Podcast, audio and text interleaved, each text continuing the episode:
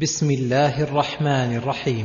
يا أيها النبي إذا طلقتم النساء فطلقوهن لعدتهن وأحصوا العدة واتقوا الله ربكم لا تخرجوهن من بيوتهن ولا يخرجن إلا أن يأتين بفاحشة مبينة.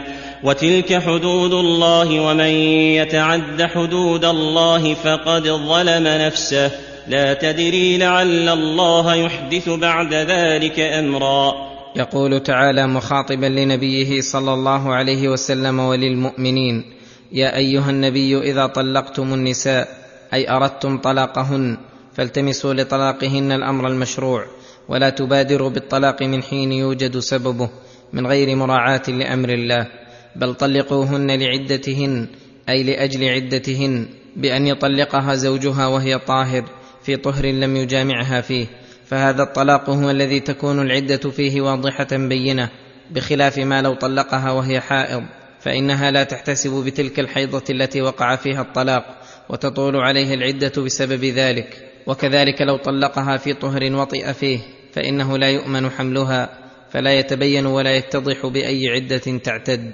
وأمر تعالى بإحصاء العدة أي ضبطها بالحيض إن كانت تحيض.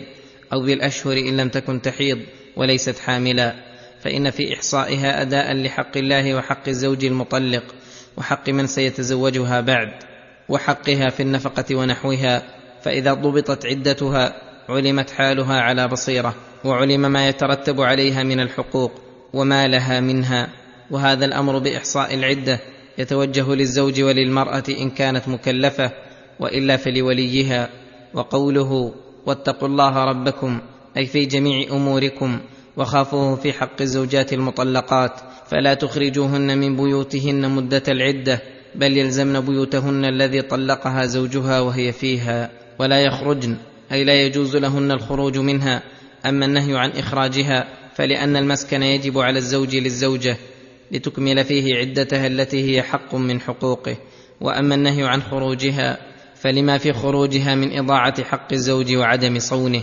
ويستمر هذا النهي عن الخروج من البيوت والإخراج إلى تمام العدة إلا أن يأتين بفاحشة مبينة أي بأمر قبيح واضح موجب لإخراجها بحيث يدخل على أهل البيت الضرر من عدم إخراجها كالأذى بالأقوال والأفعال الفاحشة ففي هذه الحال يجوز لهم إخراجها لأنها هي التي تسببت لإخراج نفسها والإسكان فيه. جبر لخاطرها ورفق بها فهي التي أدخلت الضرر على نفسها.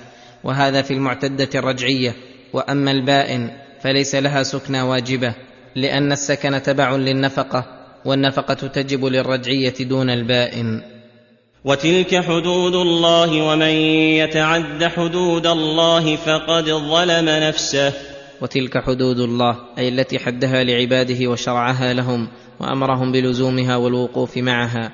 ومن يتعد حدود الله بل لم يقف معها بل تجاوزها أو قصر عنها فقد ظلم نفسه أي بخسها حظها وأضاع نصيبه من اتباع حدود الله التي هي الصلاح في الدنيا والآخرة. لا تدري لعل الله يحدث بعد ذلك أمرا.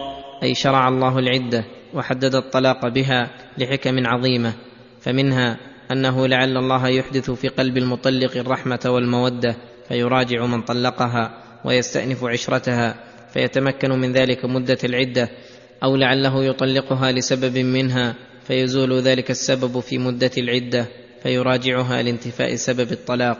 ومن الحكم أنها مدة التربص يعلم براءة رحمها من زوجها. وقوله فإذا بلغن أجلهن فأمسكوهن بمعروف أو فارقوهن بمعروف. وأشهدوا ذوي عدل منكم وأقيموا الشهادة لله. ذلكم يوعظ به من كان يؤمن بالله واليوم الآخر ومن يتق الله يجعل له مخرجا. وقوله فإذا بلغن أجلهن أي إذا قاربن انقضاء العدة لأنهن لو خرجن من العدة لم يكن الزوج مخيرا بين الإمساك والفراق. فأمسكوهن بمعروف أو فارقوهن بمعروف. أي على وجه المعاشرة الحسنة والصحبة الجميلة لا على وجه الضرار وإرادة الشر والحبس فإن أمساكها على هذا الوجه لا يجوز.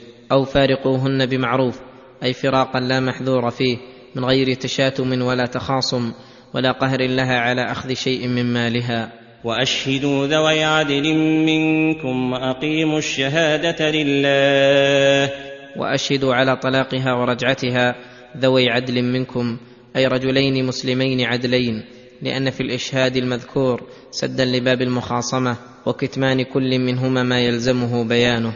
وأقيموا أيها الشهداء الشهادة لله أي ائتوا بها على وجهها من غير زيادة ولا نقص. اقصدوا بإقامتها وجه الله وحده ولا تراعوا بها قريبا لقرابته ولا صاحبا لمحبته. ذلكم يوعظ به من كان يؤمن بالله واليوم الآخر. ذلكم الذي ذكرنا لكم من الأحكام والحدود. يوعظ به من كان يؤمن بالله واليوم الآخر.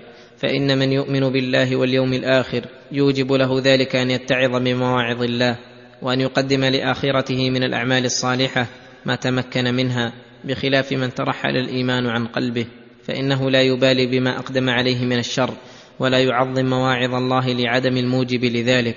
ولما كان الطلاق قد يوقع في الضيق والكرب والغم أمر تعالى بتقواه وأن من اتقاه في الطلاق وغيره فإن الله يجعل له فرجا ومخرجا. فإذا أراد العبد الطلاق ففعله على الوجه الشرعي بأن أوقعه طلقة واحدة في غير حيض ولا طهر قد وطأ فيه فإنه لا يضيق عليه الأمر.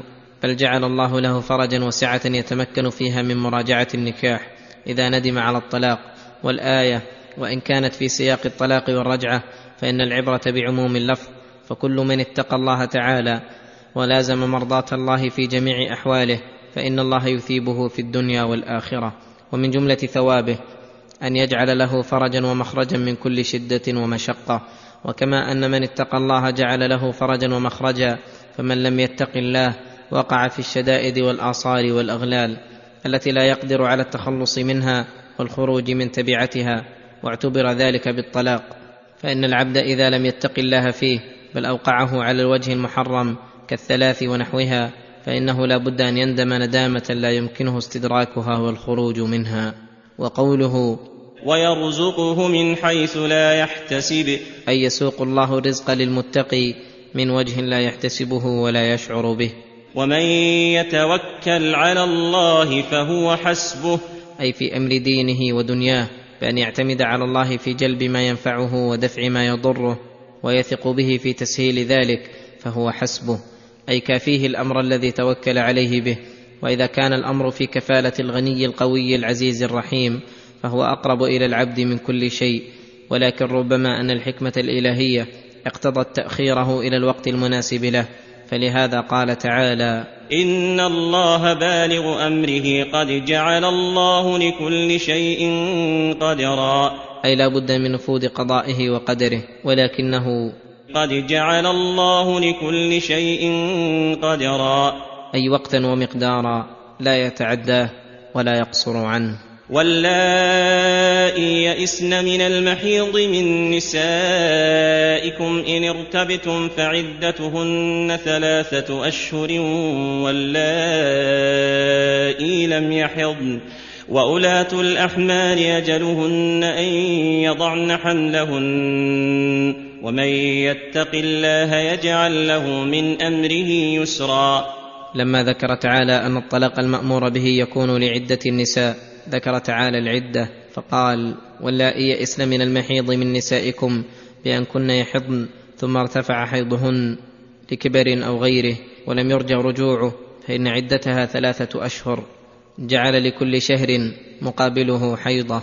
واللائي لم يحضن أي الصغار اللاتي لم يأتهن الحيض بعد والبالغات اللاتي لم يأتهن حيض بالكلية فإنهن كالآيسات عدتهن ثلاثة أشهر. وأما اللائي يحضن فذكر الله عدتهن في قوله والمطلقات يتربصن بأنفسهن ثلاثة قروء وقوله وأولاة الأحمال أجلهن أن يضعن حملهن. وأولاة الأحمال أي عدتهن أن يضعن حملهن أي جميع ما في بطونهن من واحد ومتعدد ولا عبرة حينئذ بالأشهر ولا غيرها. ومن يتق الله يجعل له من أمره يسرا. أي من اتقى الله تعالى يسر له الأمور وسهل عليه كل عسير. ذلك أمر الله أنزله إليكم ومن يتق الله يكفر عنه سيئاته ويعظم له أجرا. ذلك أي الحكم الذي بينه الله لكم أمر الله أنزله إليكم لتمشوا عليه وتأتموا وتقوموا به وتعظموه. ومن يتق الله يكفر عنه سيئاته ويعظم له أجرا. اي يندفع عنه المحذور ويحصل له المطلوب. أسكنوهن من حيث سكنتم من وجدكم ولا تضاروهن لتضيقوا عليهن. وان كن اولات حمل فانفقوا عليهن حتى يضعن حملهن فان ارضعن لكم فاتوهن اجورهن واتمروا بينكم بمعروف وان تعاسرتم فسترضع له أخرى. تقدم أن الله نهى عن إخراج المطلقات عن البيوت وهنا أمر بإسكانهن وقدر الإسكان بالمعروف. وهو البيت الذي يسكنه مثله ومثلها بحسب وجد الزوج وعسره ولا تضاروهن لتضيقوا عليهن أي لا تضاروهن عند سكناهن بالقول أو الفعل لأجل أن يمللن فيخرجن من البيوت قبل تمام العدة فتكونوا أنتم المخرجين لهن. وحاصل هذا أنه نهى عن إخراجهن ونهاهن عن الخروج وأمر بسكناهن على وجه لا يحصل عليهن ضرر ولا مشقة وذلك راجع إلى العرف. وان كن اولات حمل فانفقوا عليهن حتى يضعن حملهن. وان كن اي المطلقات اولات حمل فانفقوا عليهن حتى يضعن حملهن. وذلك لاجل الحمل الذي في بطنها. ان كانت بائنا ولها ولحملها ان كانت رجعيه. ومنتهى النفقه حتى يضعن حملهن.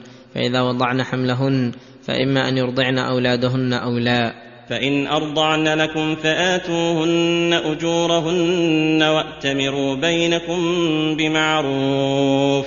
فآتوهن أجورهن المسماة لهن إن كان مسمى وإلا فأجر المثل وأتمروا بينكم بمعروف أي ليأمر كل واحد من الزوجين ومن غيرهما الآخر بالمعروف وهو كل ما فيه منفعة ومصلحة في الدنيا والآخرة.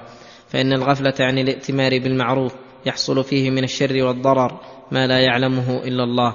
وفي الائتمار تعاون على البر والتقوى. ومما يناسب هذا المقام أن الزوجين عند الفراق وقت العدة خصوصا إذا ولد لهما ولد في الغالب يحصل من التنازع والتشاجر لأجل النفقة عليها وعلى الولد مع الفراق الذي في الغالب ما يصدر إلا عن بغض ويتأثر من البغض شيء كثير. فكل منهما يؤمر بالمعروف والمعاشرة الحسنة وعدم المشاقة والمخاصمة وينصح على ذلك. وإن تعاسرتم فسترضع له أخرى. وإن تعاسرتم بأن لم تتفقوا على إرضاعها لولدها فلترضع له أخرى غيرها. فلا جناح عليكم إذا سلمتم ما آتيتم بالمعروف. وهذا حيث كان الولد يقبل ثدي غير أمه. فإن لم يقبل إلا ثدي أمه تعينت لإرضاعه ووجب عليها وأجبرت إن امتنعت. وكان لها أجرة المثل إن لم يتفق على مسمى وهذا مأخوذ من الآية الكريمة من حيث المعنى فإن الولد لما كان في بطن أمه مدة الحمل ليس له خروج منه عين تعالى على وليه النفقة فلما ولد وكان يمكن أن يتقوت من أمه ومن غيرها أباح تعالى الأمرين فإذا كان بحالة لا يمكن أن يتقوت إلا من أمه كان بمنزلة الحمل وتعينت أمه طريقا لقوته ثم قدر تعالى النفقة بحسب حال الزوج فقال لينفق ذو سعة من سعته ومن قدر عليه رزقه فلينفق مما آتاه الله. لا يكلف الله نفسا إلا ما آتاها سيجعل الله بعد عسر يسرا. لينفق ذو سعة من سعته أي لينفق الغني من غناه. فلا ينفق نفقة الفقراء ومن قدر عليه رزقه أي ضيق عليه فلينفق مما آتاه الله من الرزق. لا يكلف الله نفسا إلا ما آتاها سيجعل الله بعد عسر يسرا. وهذا مناسب للحكمة والرحمة الإلهية حيث جعل كلا بحسبه وخفف عن المعسر وأنه لا يكلفه إلا ما آتاه. فلا يكلف الله نفسا إلا وسعها في باب النفقة وغيرها. سيجعل الله بعد عسر يسرا.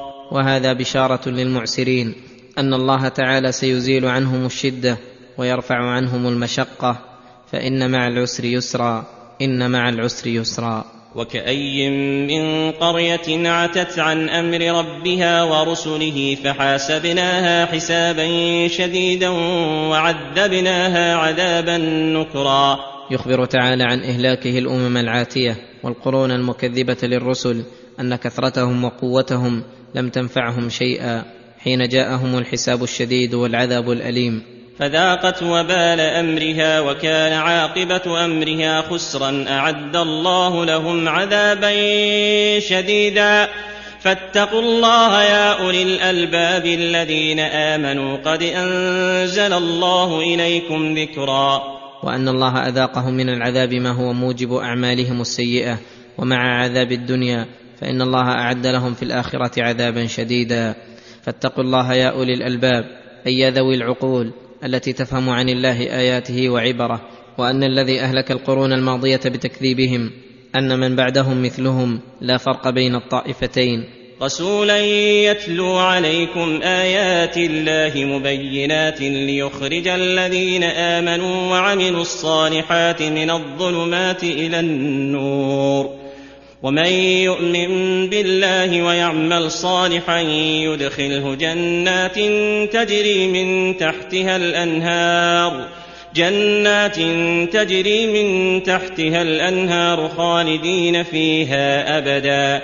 قد أحسن الله له رزقا. ثم ذكر عباده المؤمنين بما أنزل عليهم من كتابه الذي أنزله على رسوله محمد صلى الله عليه وسلم. ليخرج الخلق من ظلمات الكفر والجهل والمعصية إلى نور العلم والإيمان والطاعة. فمن الناس من آمن به ومنهم من لم يؤمن به. ومن يؤمن بالله ويعمل صالحا يدخله جنات تجري من تحتها الأنهار. ومن يؤمن بالله ويعمل صالحا من الواجبات والمستحبات يدخله جنات تجري من تحتها الأنهار. فيها من النعيم المقيم ما لا عين رأت. ولا أذن سمعت ولا خطر على قلب بشر. جنات تجري من تحتها الأنهار خالدين فيها أبدا. قد أحسن الله له رزقا. أي ومن لم يؤمن بالله ورسوله فأولئك أصحاب النار هم فيها خالدون. الله الذي خلق سبع سماوات ومن الأرض مثلهن يتنزل الأمر بينهن لتعلموا لتعلموا أن الله على كل شيء قدير وأن الله قد أحاط بكل شيء علما. ثم أخبر تعالى أنه خلق الخلق من السماوات السبع ومن فيهن والأراضين السبع ومن فيهن وما بينهن وأنزل الأمر وهو الشرائع والأحكام الدينية التي أوحاها إلى رسله لتذكير العباد ووعظهم وكذلك الأوامر الكونية والقدرية التي يدبر بها الخلق. كل ذلك لأجل أن يعرفه العباد ويعلموا إحاطة قدرته بالأشياء كلها وإحاطة علمه بجميع الأشياء. فإذا عرفوه بأوصافه المقدسة وأسمائه الحسنى وعبدوه وأحبوه وقاموا بحقه فهذه الغاية المقصودة من الخلق والأمر معرفة الله وعبادته. فقام بذلك الموفقون من عباد الله الصالحين. وأعرض عن ذلك الظالمون المعرضون.